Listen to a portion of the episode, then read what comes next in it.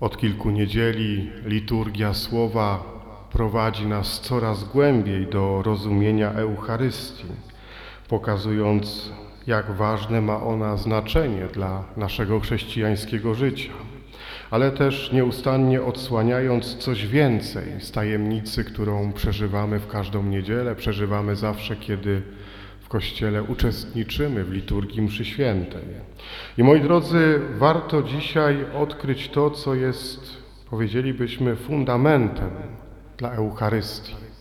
To, dlaczego w ogóle Eucharystia jest taka ważna, to, dlaczego w tej Eucharystii nie tylko trzeba być, uczestniczyć, ale przede wszystkim faktycznie na niej się karmić tym, co daje Pan Bóg.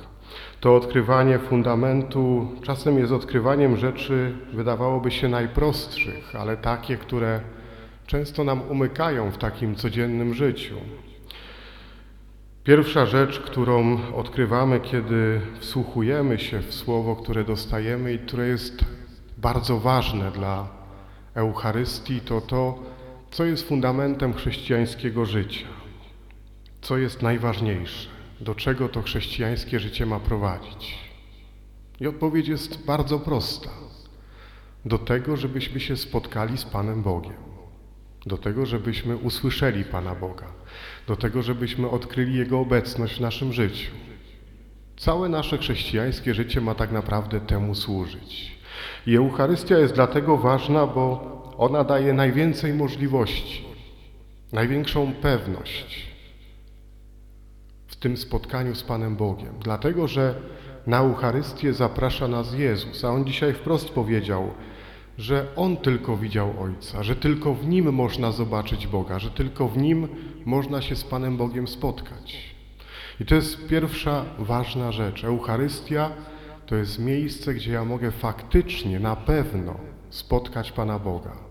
Mogę Go spotkać w modlitwie, mogę Go spotkać w świecie, który mnie otacza, w drugim człowieku, w Słowie Bożym, ale Eucharystia jest taka najpewniejsza, że tutaj faktycznie spotykając Jezusa dotykam samego Boga, dotykam Boga, który chce się ze mną spotkać.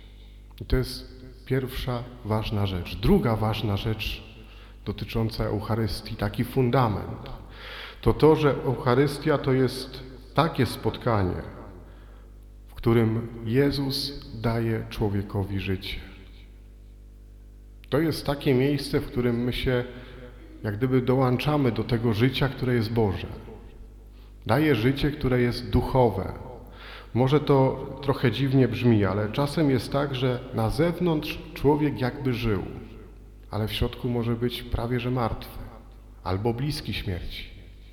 Nawet mówimy, że ktoś popełnił grzech śmiertelny. To nie taki grzech, że po nim od razu umarł i go trzeba pochować na cmentarzu, pogrzeb odprawić, tylko że to jest taki grzech, który go odciął od życia. Odciął go od źródła tego życia, odciął go od Chrystusa, odciął go od tego, co sprawia, że człowiek może żyć pełnią. Mało tego, że to życie może dotknąć wieczności, że może się spotkać z wiecznością, że może iść w kierunku wieczności. I to nam dzisiaj mówi Pan Jezus i mówi to bardzo mocno.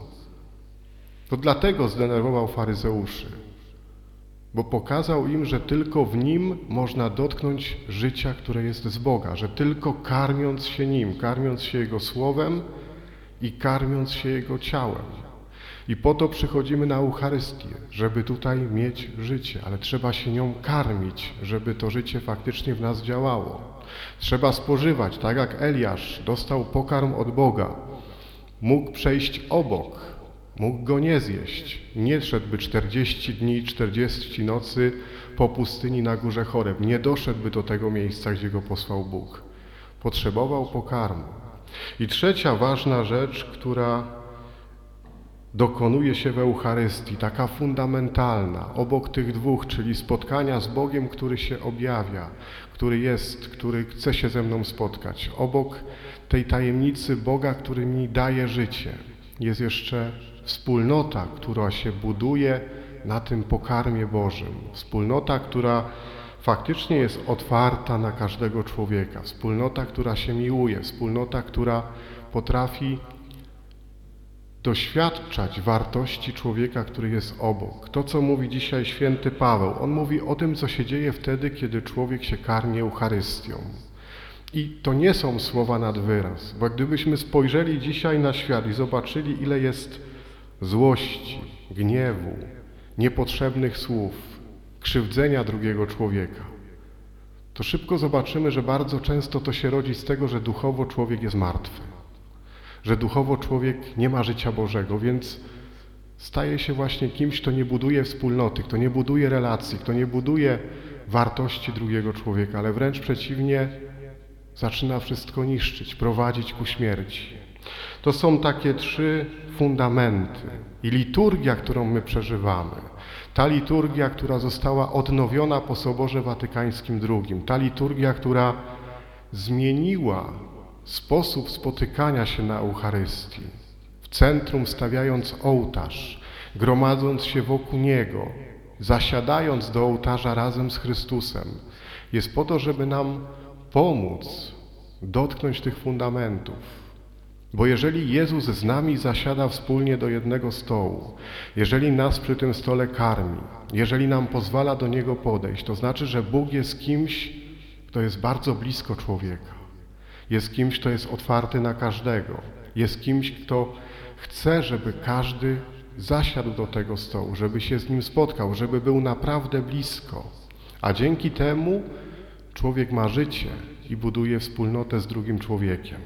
Zachęcam, moi drodzy, żebyśmy dzisiaj może znaleźli trochę czasu i zastanowili się naprawdę nad tym, dlaczego przychodzę na Eucharystię, dlaczego przekraczam próg Kościoła, dlaczego siadam do ołtarza Chrystusa, dlaczego chcę z Nim być przy jednym stole, dlaczego chcę się nakarmić Jego Słowem, chcę spożyć Jego ciało? I czy w odpowiedziach będą te rzeczy najważniejsze, te rzeczy fundamentalne, te rzeczy, które są jak gdyby korzeniami całej Eucharystii, z której ona potem wyrasta. Bo dzięki temu ten czas, który mamy, ten czas, który przeżywamy, może być najbardziej świętym i wyjątkowym czasem naszego życia. Amen.